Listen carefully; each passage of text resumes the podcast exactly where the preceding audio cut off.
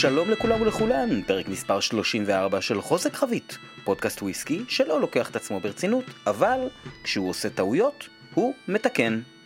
בפרק הקודם באייטם הראשון של פינת החדשות דיברתי על ה Scallywag החדש של Douglas Laing והתכוונתי ל Epicurean החדש, כל שאר הפרטים כמובן נכונים, Lowland finish פורט לבן, 48% אלכוהול וכו' וכו'. בנוסף, כשדיברתי על שיתופי הפעולה של הכרם בתחום הבירה, שכחתי לספר על Samichlaus שהתיישנה בחביות של Milk & Honey. אז קבלו את שני התיקונים האלה, ואני ממשיך מהעבר אל העתיד. היום בפרק, בפינת המונח, אני הולך לדבר על משקה שאינו וויסקי, אחרי זה אני אסביר למה. בפינת החדשות יש לנו שישה אייטמים. פינת ההיסטוריה תעסוק במזקקה שהיא הנושא של הסדנה הבאה של CSFC, מועדון הכיף של חוזק חבית. ובפינת עומף תואם, שלוש טעימות, שני סינגל מלטים סקוטים, האחד זמין ונגיש מאוד, והשני אה, גם קשור לפינת המונח וגם קצת פחות נגיש. וגרפה של המאזיניות שכבר שמעתם עליה ועכשיו אני תואם אותה אחרי שסיימה להתיישן. לפני שאני מתחיל, הרבה הרבה זמן לא אמרתי את זה, אז כמה תזכור, תזכורות slash אה, בקשות, אה, תנו לייק לעמוד של ה pod בפייסבוק, מה אכפת לכם? תעשו subscribe באפליקציה שאתם מאזינים ותנו בה גם דירוג, מה אכפת לכם? תירשמו לרשימת התפוצה באתר אה, ומקף אמצעי עומף dot com, ככה תוכלו לקבל את כל העדכונים על כל מה שקורה, ואם בא לכם לתמוך ב pod, אתם גם מוזמנים לרכוש את חולצת ה pod הרשמית עם הגרגויל המפורסם. אה, גם זה נמצא בחנות שבאתר. אז אה, זהו, אחרי כל הבקשות המוגזמות האלה שלי, בואו נתחיל את הפרק.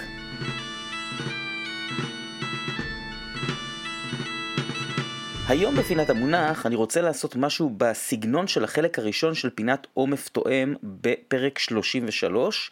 למי שלא זוכר, נתתי איזה שתי דקות על פינו דה שרן, מכיוון שדיברתי על וויסקי בחבית שכזו, וקיבלתי על זה תגובות טובות, וזה נראה לי כמו רעיון טוב לדבר גם על משקאות אחרים שבחביות שלהם עושים שימוש בתעשייה כמין הרחבה כזאת, אבל אני כן מתכוון...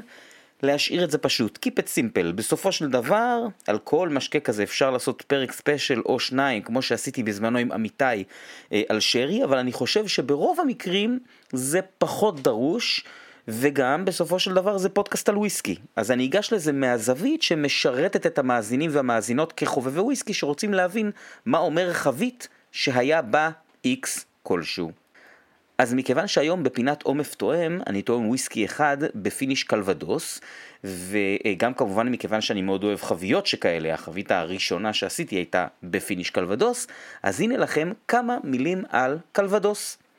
קלבדוס הוא ברנדי, כלומר תזקיק פירות מיושן, אשר מיוש... מיוצר בצפון מערב צרפת, בעיקר בנורמנדי אבל גם בברטן.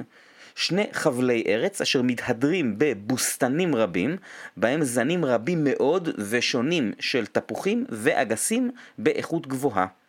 כמובן שבנוסף לקלבדוס יש להם גם תוצרת איכותית מאוד של סיידר, ומי שלא טעם סיידר תפוחים יבש מנורמנדי, לא טעם סיידר טוב מימיו, במחילה מהאנגלים אה, ובמחילה מהאירים והמאזין האהוב עליי, אה, א', סליחה, אבל תשמע, אין מה לעשות. אה, קלבדוס מיוצר כבר כמה מאות שנים, מאמצע המאה ה-16, ויש שמייחסים את הקפיצה הגדולה בפופולריות שלו למגפת הפילוקסרה שפגעה בכרמים בצרפת באמצע המאה ה-19, אבל גם לפני כן הוא כבר היה פופולרי מאוד. לציין שחלק מאומנות ייצור הקלבדוס קשורה לזנים אותם בוחרים. יש תפוחים מתוקים, חמוצים ומרירים, וברן משתמש בסוגים רבים, לעיתים כמה עשרות וגם יותר ממאה, כדי לייצר את הסיידר המושלם, לטעמו כמובן, שיניב את התזקיק המושלם. אפשר לומר שישנם שלושה סוגים של קלבדוס. אחד, פי דוז' כמובן בצרפתית זה צריך להיות יותר מסובך, כתוב Pays d'Auge או Pays d'Auge. הוא מיוצר מתפוחים בלבד, בזיקוק דודי כפול. ממש אפשר לומר, אה, כבר שמעתי שאומרים את זה, כאילו קוניאק אבל מתפוחים, כן, בהשאלה. מספר 2, קלבדוס, שמיוצר בזיקוק רציף, הוא אולי יותר נכון אה, אה, מין עמודי זיקוק האלה שמזכירים את העמודי זיקוק של ארמניאק, אבל גם הוא מתפוחים בלבד. שלוש, Domfrontais, כתוב דום פרונטיס. הוא אה, בעצם מזוקק באותו זיקוק עמודים או זיקוק רציף, הייחוד שלו הוא שלפי חוק, לפחות 30% מחומר הגלם צריך להיות אגסים ולא תפוחים, נהוג שגם יותר.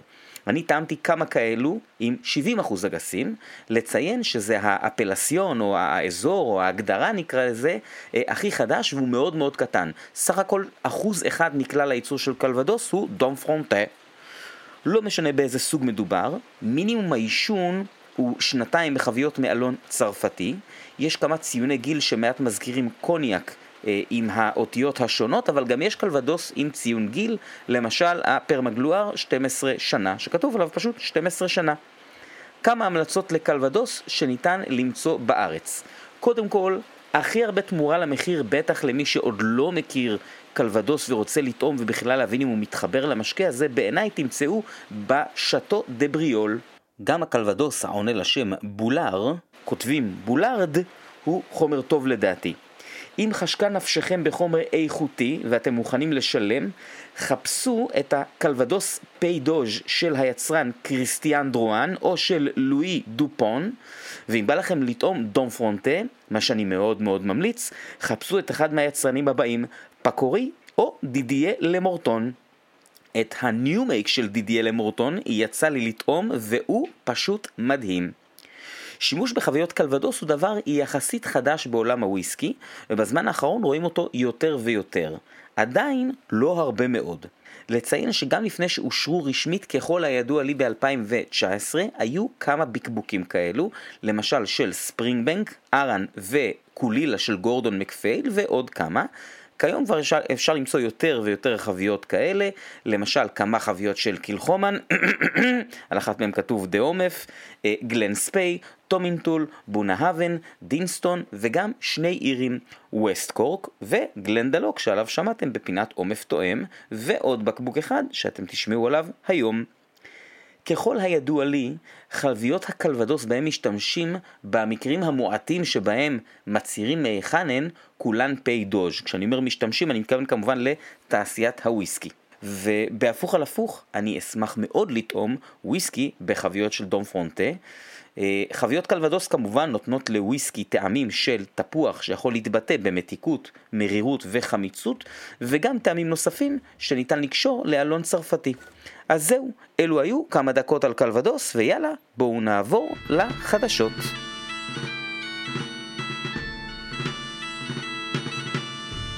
היום בפינת החדשות שישה אייטמים, ואני מתחיל עם מזקקת קילחומן, עליה רק כרגע דיברתי. אה, אני מאוד ממליץ לעקוב אחרי קילחומן באינסטגרם ובפייסבוק, יש להם אחלה סרטונים, הם מאוד מאוד נגישים ומעניינים, אז אני, לאלו שפחות בעניין הזה, אז אני מתווך לכם סרטון שאנטוני ווילס העלה. אה, ממחסן מספר 3 בקילחומן, כמו שאתם שומעים זה מאוד מרגש את החתול, בואי, נו, בואי, בואי בואי בואי. קדימה, יורד גשם, החתול מתרגש. אוקיי, אז uh, אנטוני ווילס העלה סרטון ממחסן מספר 3 בקילחומן, שבו הוא עומד ליד שני ואטים, ומדבר עליהם, על הוואטים האלה. בקצרה, ב-2019 קילחומן קנו שני ואטים מפורטוגל, בהם התיישן יין אדום בעמק הדורו כמה שנים. שני הוואטים האלה עברו טיפול בקופרג' לפני הגעתם למזקקה, כשאחד מהם עבר חריכה קלה והשני עבר חריכה יותר כבדה. לתוך כל אחד מהם בעצם שפכו או מילאו אותם ב-19 חביות אקס ברבן, כל אחד. Uh, החביות האלה כולן הן אקס ברבן במילוי ראשון והן כבר התיישנו שלוש שנים. מאז שעשו את המילוי הזה של הוואטים עברו כבר שנתיים וחצי. אנטוני מספר שבהתחלה, בחודשים הראשונים, לא קרה שם יותר מדי, אבל היום כבר יש הבדל בין התכולה של כל ואט, והוא מעריך שבעוד כחצי שנה הנוזל הזה יבוקבק. אה, אני פה מזכיר שהגודל המקסימלי של חבית שמותר לפי חוק בסקוטלנד הוא 700 ליטר. כלומר, רשמית, הוויסקי בוואטים האלה הוא עדיין וויסקי בן שלוש. עכשיו, חישוב זריז אומר שהוואטים האלה מכילים, בואו נגיד, בין 3,700 ל-4,000 ליטר, אה, אני לא יודע אם מילאו אותם לחלוטין, אני לא יודע אם אה, אולי קצת השאירו מקום, אני גם לא יודע מה היה angel's share בשלוש שנים שבהם הנוזל התיישן בחביות ex bourbon, אבל בכל אופן, אה, אנטוני ווילס מספר שזה לא משהו שהם הולכים בהכרח לעשות הרבה, אבל זה משהו שהם נהנים לעשות כדי להראות את האיכויות השונות של הנוזל של קילחומן. כל הכבוד לקילחומן, פשוט אחלה מזקקה, תמיד מצליחה לשמור על עניין ולחדש, ועדיין, לתחושתי לפחות, להישאר נאמנה לעצמה. הדבר היחיד שאני מצר עליו הוא כמובן המחירים שלהם שעולים, אבל כמו שאתם יודעים, אני עם הצלחה בהחלט לא מתווכח, וכך גם החתול. נו, בואי. אה, אני עובר לאייטם הבא. מזקקת Lochlea, שהוזכרה כבר פעמיים ב pod בזמן האחרון, אה, גם בהקשר של ג'ון קמבל מ Laphroaig שעבר לנהל אותה, וגם ברשימת המזקקות החדשות שלדעתי כדאי לשים אליהן לב, הולכת ממש בקרוב להוציא את הבקבוק הראשון של הוויסקי שלה, אה, הוא מיושן בחביות ex bourbon first fill ו Pedro Ximénez, ומבוקבק ב-46% אלכוהול, מחירו לצרכן יהיה 50 פאונד. אייטם מספר 3 מזקקת גלנדרונח מוציאה לראשונה בתולדותיה וויסקי בן 50. הנוזל זוקק ב-1971, התיישן בחביות אולורוסו ו-PX, ועם השנים כמובן הלך והצטמצם לו, המלאכים לקחו את הפייר שר שלהם, והוא עבר חיתון בחבית פדרו חימנז אחת. בקבוק מספר 1 נתרם על ידי המזקקה, הוא נמכר ב auction צדקה ב-40 אלף פאונד, והם כולם תרומה לנוער בסיכון בסקוטלנד. אה, שאר הבקבוקים, שאני מודה שלא הבנתי אם יש 198 מעבר לאותו בקבוק מספר 1 או שהיו סך הכל 198, זה לא היה כל כך ברור, אבל בכל אופן, הבקבוקים האלה יימכרו בהרבה פחות. סך הכל 20 אלף פאונד, ממש 50 אחוז הנחה שווה לכל נפש. אז אם אתם אה, קונים לכם אחד כזה, אה, תעדכנו אותי, למרות שאין לי שום דבר לעשות עם זה ואתם בטח לא תיתנו לי שלוק, נכון? אוקיי, בסדר, בואו נעבור הלאה. יאללה, אייטם מספר 4. וזו ידיעה שמתחברת לפינות חדשות בשני הפרקים הקודמים. מזקקת Buffalo Trace מפרסמת שהיא מתכננת לגייס לפחות 2 מיליון דולר לצדקה במהלך שנת 2022. מזכיר שלפני שני פרקים היו כמה וכמה אייטמים כאלה שקשורים לתרומות, למשל של אה, אה, ג'ימבים אם אני זוכר נכון, ולשם כך היא תורמת 2,022 בקבוקים שונים מהריינג' המאוד גדול שלה, כולל שימו לב לזה, זה מתקשר לפינת החדשות בפרק הקודם. בקבוק אחד בנפח של שישה ליטרים שאליו יצורף או יחובר, אני לא יודע מה המינוח הנכון להשתמש בו, NFT. יש לי תחושה שיהיו יותר ויותר ידיעות כאלה שאולי מטרתן היא לעשות אה, אותנטיקציה לבקבוקים נדירים או לבעלות עליהם, אולי למנוע זיופים או גנבות וגם להגדיל את הערך בעתיד. אני עובר הלאה לאייטם מספר 5, אה, אחד מבין שניים על חדשות מקומיות. התוצרת של מזקקת ארדנה מורחן מההיילנד החלה להיות מיובאת לארץ על ידי סיפיל. מזקקה חדשה יחסית שהוקמה בשנת 2014 והיא נמצאת על חופה המערבי של סקוטלנד, אם אתם מנסים לדמיין את המפה אפשר לומר שזה ככה בערך אה, על החוף מול הקצה הצפוני של האי מל, משהו כזה בערך.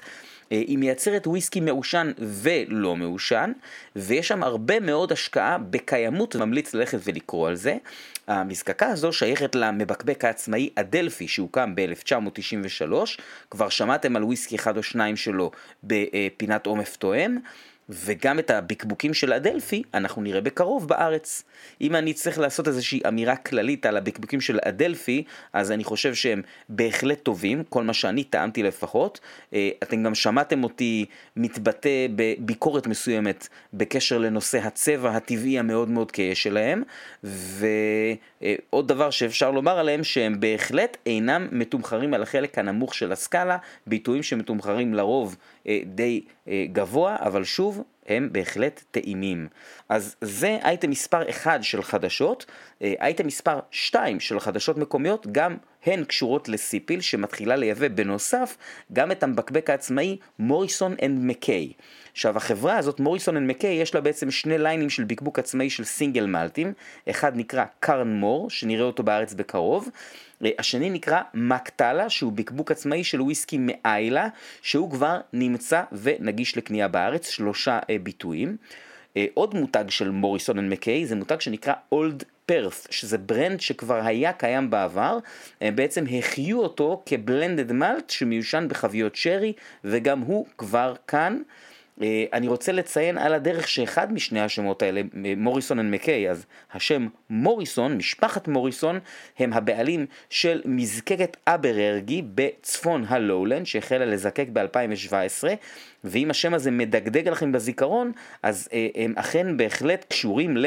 ולמעשה הצאצאים של סטנלי פי מוריסון, שזה בן אדם שעליו אפשר לעשות פינת היסטוריה אה, ארוכה בפני עצמה.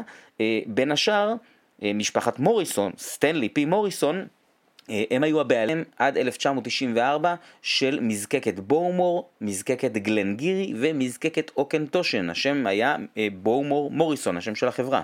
אז זהו, הרבה דברים נחמדים שאפשר עכשיו למצוא בארץ, זו הייתה פינת החדשות שלנו, ואני עובר לפינת ההיסטוריה.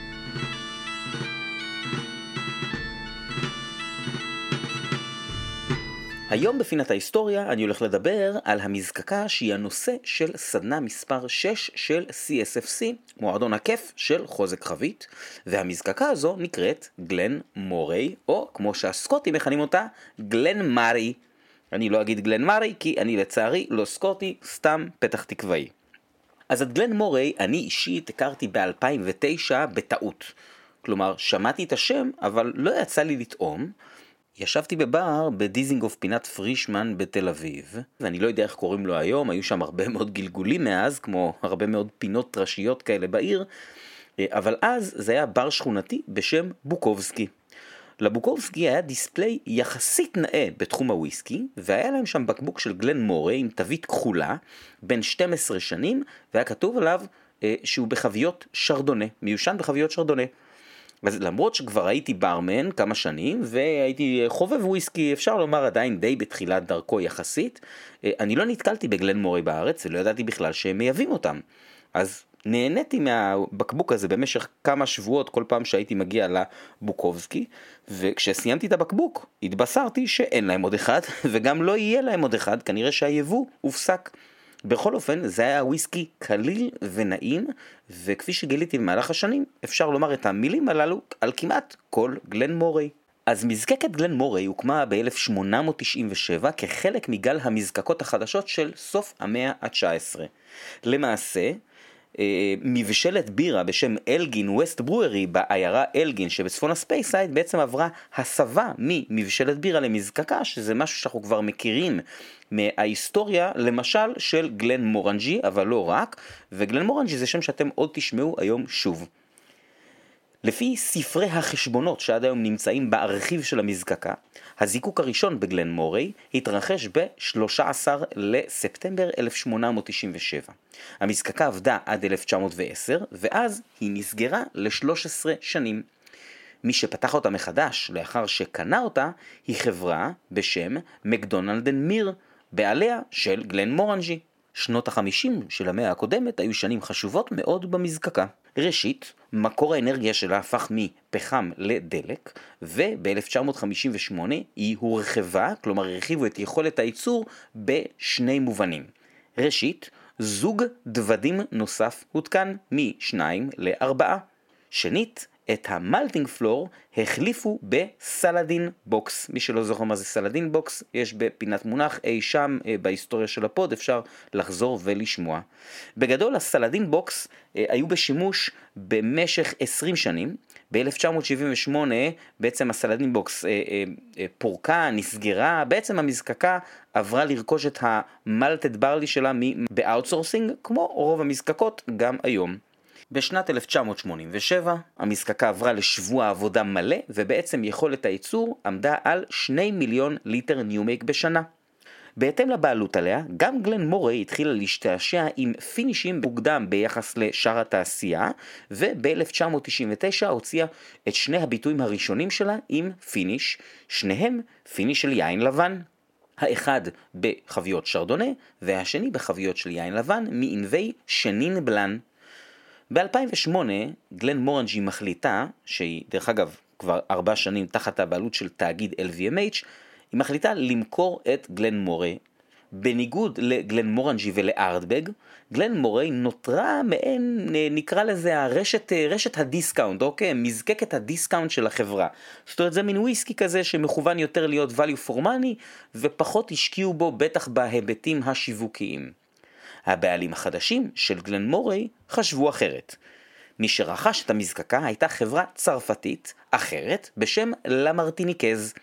אה, אני לא נכנס לדברי ימי למרטיניקז, אבל רק בשביל לסבר את האוזן, לחברה הזו יש מספר מותגים שהם לא כולם חזקים וחלקם אפילו לא קיימים בשוק הישראלי, אבל הם בעיכים בעולם. אם תיכנסו לאתר שלהם אתם תראו אה, כל מיני דברים, אני מציין את וודקה פול יעקב מפולין, ג'ין גיבסונס, אה, ארמניאק עם בקבוק מאוד מאוד מוכר בשם סיין ויוון, קלבדוס, שאני אישית מחבב, מחבב בשם בונל, כותבים בוסנל, ורום אגריקול מפורסם שמיובא לארץ בהחלט כבר הרבה שנים בשם סיינט ג'יימס.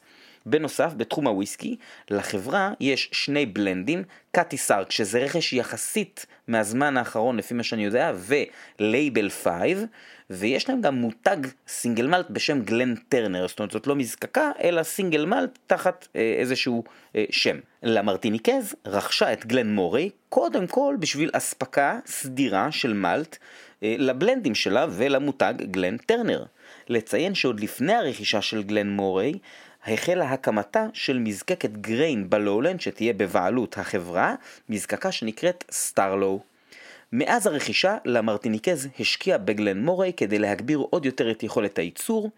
זוג דוודים חדשים הותקן, וגם מספר ה washbacks גדל, וכיום המזקקה מייצרת כשלושה מיליון ליטר new make בשנה. יש מקומות שכתוב אפילו קצת יותר, 3.3.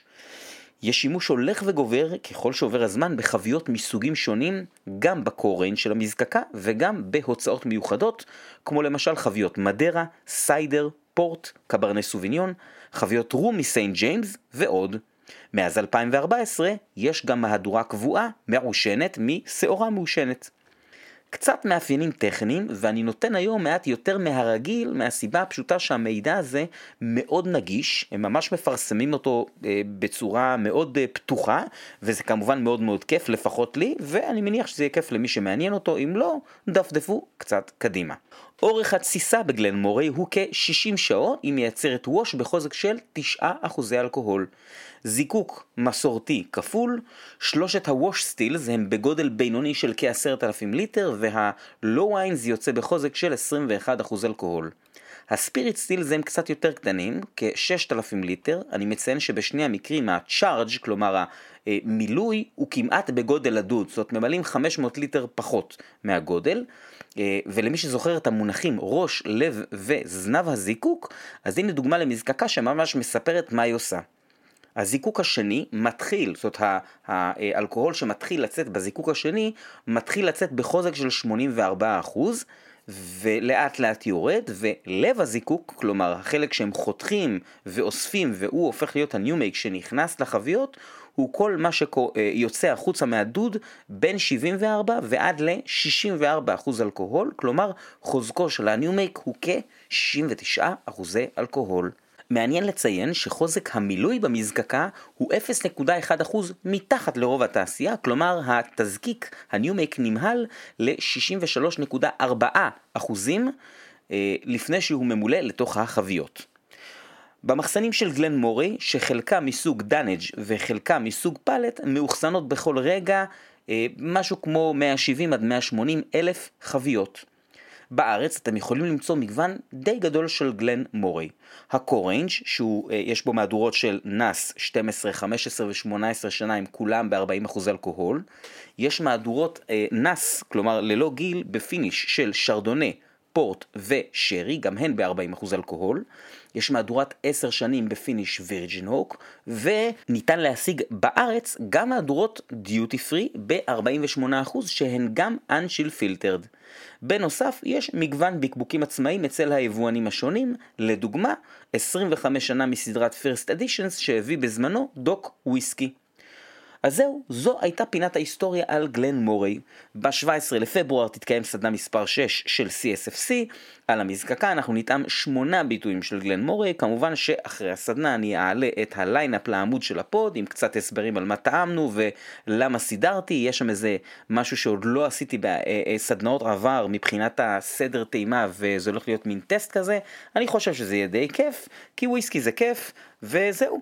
בואו נעבור לפינת עומף תואם.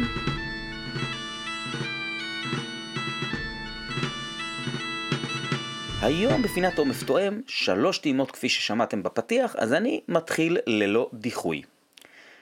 תעודת זהות, תמנבולין, גרנצ'ה finish, single malt, ללא ציון גיל, 40% אלכוהול, מהדורה שיצאה בשנת 2020 כחלק מה range ההולך וגדל של המזקקה הזו ב line של ה wine finish, שכולל כבר ארבעה ביטויים. כאמור, הוא מתיישן בחביות ex bourbon ועובר ל finish בחביות של יין אדום ספרדי מענבי גרנצ'ה. אה, לא הצלחתי לברר מה אורכו של ה finish. מחיר לצרכן סביב 150 שקלים, אפשר למצוא גם בפחות. טעימה ראשונה, מתקתק, סוכרייתי, יש פה פירותיות, אבל יש בה משהו כאילו מעובד או מלאכותי. כלומר, יש פה קצת תפוז, קצת אפרסק, אפילו טיפת דובדבן, אבל התפוז הוא של עוגת תפוזים. הדובדבן זה של סוכריות דובדבן. בחך הגוף קל, המתיקות גם כאן בולטת, אבל היין מדבר הרבה יותר חזק בפה מאשר באף, שאני אומר יותר חזק, כמובן קחו בחשבון שאנחנו עדיין מדברים על וויסקי ב-40% אלכוהול. יש פה נגיעות של פירות שחורים סטייל פטל וגם קצת טיפול אה, מרקד ומעקצץ כזה על הלשון, בדגש על קינמון שהם ממאפיינים הזן הזה שנקרא גרנצ'ה בספרדית, בצרפת קוראים לו גרנש. הסיומת מתייבשת וביחס לקלילות ולאחוז האלכוהול הנמוך היא מפתיעה באורכה. אחרי 20 דקות האף התפתח, הוא קיבל קצת גוונים של מרציפן ומין קצת מאפה חמאתי כזה, אבל המתיקות הפירותית והסוכרייתית עדיין במרכז. מכירים את הסוכריות בקופסת פח שיש לנהגי מונית עם האבקה הלבנה הזאת? אז כאילו זה הריח, משהו מתוק, מלאכותי כזה. עכשיו, אני מדגיש שברור שאין שם תוספת מלאכותית, כן? זה וויסקי, אסור להוסיף דברים, זה נוזל וחבית. אז אני מציין את המתיקות הזאת בתור משהו שהוא קצת יוצא דופן, והאמת שזה די נחמד וכיף. בפה, אחרי 20 דקות, הוא ממש ממש נפתח, ומעבר להתווספות של עוד כל מיני גוונים של פירותיות מתוקה כזו, כמו משמש ואפרסק, יצא כאן חרפרפות שמאפיינת אה, יינות מגרנצ'ה או גרנש, או למשל מי שמכיר יינות GSM. שורה תחתונה, אחלה וויסקי, תמורה נהדרת למחיר. אני מבקש להזכיר שאני חובב חביות יין, ולכן יש לי פה איזה מין הטיה בסיסית כזאת, אין הרבה וויסקי בחביות יין, בטח לא בטווח המחיר הזה, ועדיין זה וויסקי חמוד מאוד, הוא מתאים למי שבא לו לגוון, מי שאוהב וויסקי קליל, וכמובן, וזה לא משהו שצריך להתבייש בו חס וחלילה, גם מי שהוא אה, מה שנקרא קצת on the budget, אוקיי? בשביל 140-150 שקלים, וואלה, אחלה תמורה. ואנחנו נעבור לטעימה הבאה. תעודת זהות. וורדהד, כלומר גלן פידיך teaspoon. single cask, יישון ב ex bourbon ו finish בקלבדוס. זוקק 1997, בוקבק 2020, גיל רשמי 23 שנים. סך הכל הניבה החבית הזו 294 בקבוקים בחוזק החבית, 51.5% אלכוהול. זה בקבוק עצמאי מסדרת קופרס צ'ויס של המבקבק העצמאי וינטג' מלט קומפני, עליהם שמעתם כבר בפינת היסטוריה כלשהי, להזכירכם אותה החברה שמבקבקת את אילך ופינלגן. טעימה ראשונה באף תפוחים ועוד תפוחים. יש פה תחושה של כמה גוונים של תפוחים. גם תפוח טרי מאוד, גם תפוח בשל ומתקתק, וגם משהו קצת יותר מריר שמזכיר מין סיידר יבש כזה. בכל אופן, האף הרגיש לי קצת סגור, ולא היה נראה לי שוויסקי בן 23 יהיה כל כך צר. בפה הוא היה נפלא מהרגע הראשון. מאוד מזכיר את האף, אבל עם שני קיקים שהיו חסרים לי באף. אחד, מעט חמצמצות, והשני, הייתה פה מין חריפות כזאת של תבלינים שמופיעה איזה 3-4 שניות אחרי שהוא בפה, ונותן לו תופעה של כמה שניות, וחוזרת באפטר טייסט. מין חריפות כזאת, כמו מין תערובת של אה, פלפל שחור וקינמון. האפטר מעט מריר, יבש, עדין מאוד ועם חרפרפות על החלק הפנימי של השפתיים. טעים, ציפיתי ליותר וחיכיתי 20 דקות. עכשיו, אני מציין שזה אולי נשמע מוזר שאני קצת יותר צונן, אני אומר ציפיתי ליותר לוויסקי סינגל קאסק בין 23 לעומת התמנבולין הצעיר ב-40%. אבל אני משקלל כאן גיל, אני משקלל חוזק ואני משקלל גם עלות. דרך אגב, אם יש דבר שאני לא משקלל פה, זה זמינות. הציפייה שלי כאן היא פשוט גבוהה יותר. אני לא חושב שזה נכון לשפוט וויסקי, בטח שני בקבוקים עם כאלו הבדלים, מבלי להתייחס לפרמטרים האלה, כאילו כולנו יכולים לשבת ולשתות מתי שאנחנו רוצים גלן מור 44 שנה של בלקאדר. אה, דרך אגב, יש כזה מווינטג' 1966, ואני בהחלט לא טעמתי אותו. אני חוזר לוורד-הד הנחמד הזה. אחרי 20 דקות הוא כבר היה הרבה יותר מנחמד. זה הרגיש כאילו מישהו לקח את הגלן קירן שלי והכניס את הוויסקי לתנור. התפוח הפך להיות בשל, סמיך, מתוק כמו תפוח אפוי, ויש פה גם פתאום קצת פירותיות אחרת. כאילו הוסיפו טיפה אגס ואיזושהי נגיעה של אפרסק. כל הדבר הזה כמובן, אני מדבר על האף, והוא פשוט היה אף מהמם. גם בפה, קודם כל, הגוף שלו כאילו נעשה מלא יותר. המתיקות הפכה להיות יותר עמוקה, כמו שקרה באף, הוא מאוד מאוד מאוזן ועשיר, ויש פה מלא גוונים של תפוח, וגם החריפות שהייתה התעצמה ובעיקר התארכה. האפטר התארך והפך יותר יבש ומתובל חרפרף כזה, פשוט יופי של וויסקי, והחלטתי לתת לו עוד עשר דקות בכוס, סתם בשביל לראות מה קורה, ובאופן כללי דגרתי על הכוס הזאת לא מעט זמן, ככל שעבר הזמן התהליך הזה נמשך. הוויסקי הפך להיות עמוק יותר, עם יותר ויותר ניואנסים, כמו למשל מרירות של קליפה של תפוח ירוק. שורה תחתונה, וויסקי מרשים, מאוד מהנה, חבית הקלבדוס עובדת טוב עם התפוחיות האופיינית של גלנפידיך, ואיזה כיף זה גלנפידיך בחוזק חבית, אה? גלנפידיך בחוזק חבית זה פשוט נוזל מעולה. אני רוצה להודות מכאן למאזין נון שחלק איתי את הבקבוק הזה, וגם חולק איתי את החיבה לגלנפידיך באופן כללי. אני עובר לטעימה מספר 3, שהיא טעימת המשך לטעימה מפרק 25 של הגרפה של המאזין י'.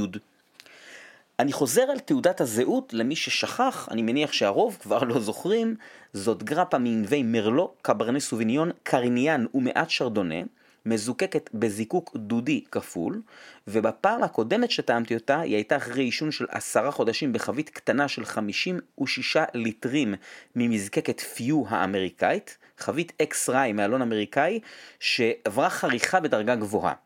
עכשיו, כשהסמפל נשלח אליי אי אז ביוני שנה שעברה, החבית עוד לא בוקבקה, ואני מזכיר שהיא מתיישנת באוויר הפתוח כ-300 מטר מהים התיכון, חבית מאוד מאוד פעילה, אז ביוני אז, אחרי עשרה חודשים, האנג'לס שר עמד על 25%.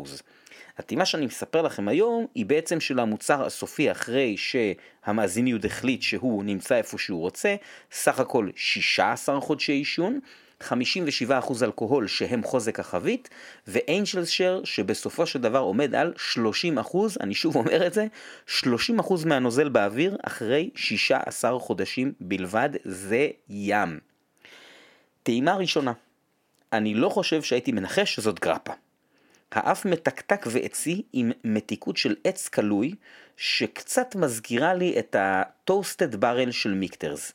יש פה גרפאיות כזאת, אבל צריך לחפש אותה ולדעת שהיא שם, אחרת פשוט לא יודעים, לפחות לדעתי. האף נעים מאוד, אחוז האלכוהול לא כל כך ניכר. בכך היא בהחלט יותר גרפה, אבל העישון הנוסף מורגש בהחלט. ובניגוד לאף, מורגשת גם חבית הראי, כלומר באף לא הרגשתי מאפיינים של ראי, בכך בהחלט כן, יש פה את התבלינים האלה של ראי וויסקי שאני מאוד מאוד אוהב, מתקתקות, חרפרפות, גוף מעט קל אבל נעים, ואפטר מעט יבש ועצי ודי ארוך. בניגוד לאף, החוזק כאן ניכר בהחלט. יש פה מין חדות ועצבנות כזאת של גרפה בחוזק גבוה, אני אומר את זה לחיוב, כי זה בהחלט הטעם שלי, אבל זה גם בהחלט לא מתאים לכל אחד. אחרי 20 דקות, הגרפה יצאה החוצה. היא מזכירה את המקור שטעמתי עם אחרי אה, בעצם עשרה חודשים של עישון, אבל כאילו עשו פה איזה מין עיגול או, או שאיפו את הפינות. זאת אומרת מצד אחד יש פה את הישירות הזאת של גרפה, אבל יש גם את האציות המתקתקה שהייתה במזיגה הראשונה, שהיא עכשיו הרבה הרבה יותר רגועה ומרומזת.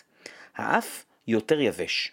האמת, זה די מדהים איך אחרי 20 דקות, מה שיש לי עכשיו בכוס הוא מנקודת אמצע כזאת בין המזיגה הראשונה של עכשיו לבין מה שטעמתי בפרק 25, ממש מפגש. גם בחייך יש את ההיתוך הזה בין שני הנוזלים האלה, לפחות לפי הזיכרון שלי. יותר גרפאיות מאשר בטעימה הראשונה, פחות מתיקות, ובחמש שניות הראשונות שהנוזל בפה יש מין עגלגלות כזאת, והטעם יותר לכיוון של הטעימה הראשונה הברבנית, ואז פתאום יוצאת החוצה חדות וגרפאיות יותר קלאסית. מה שמאוד מעניין, על השפיץ של הלשון, ממש על הקצה הקדמי, אם אני מרכז שם את כל הנוזל, יש איזה משהו מעולם היין הלבן, אני לא יודע להסביר את זה.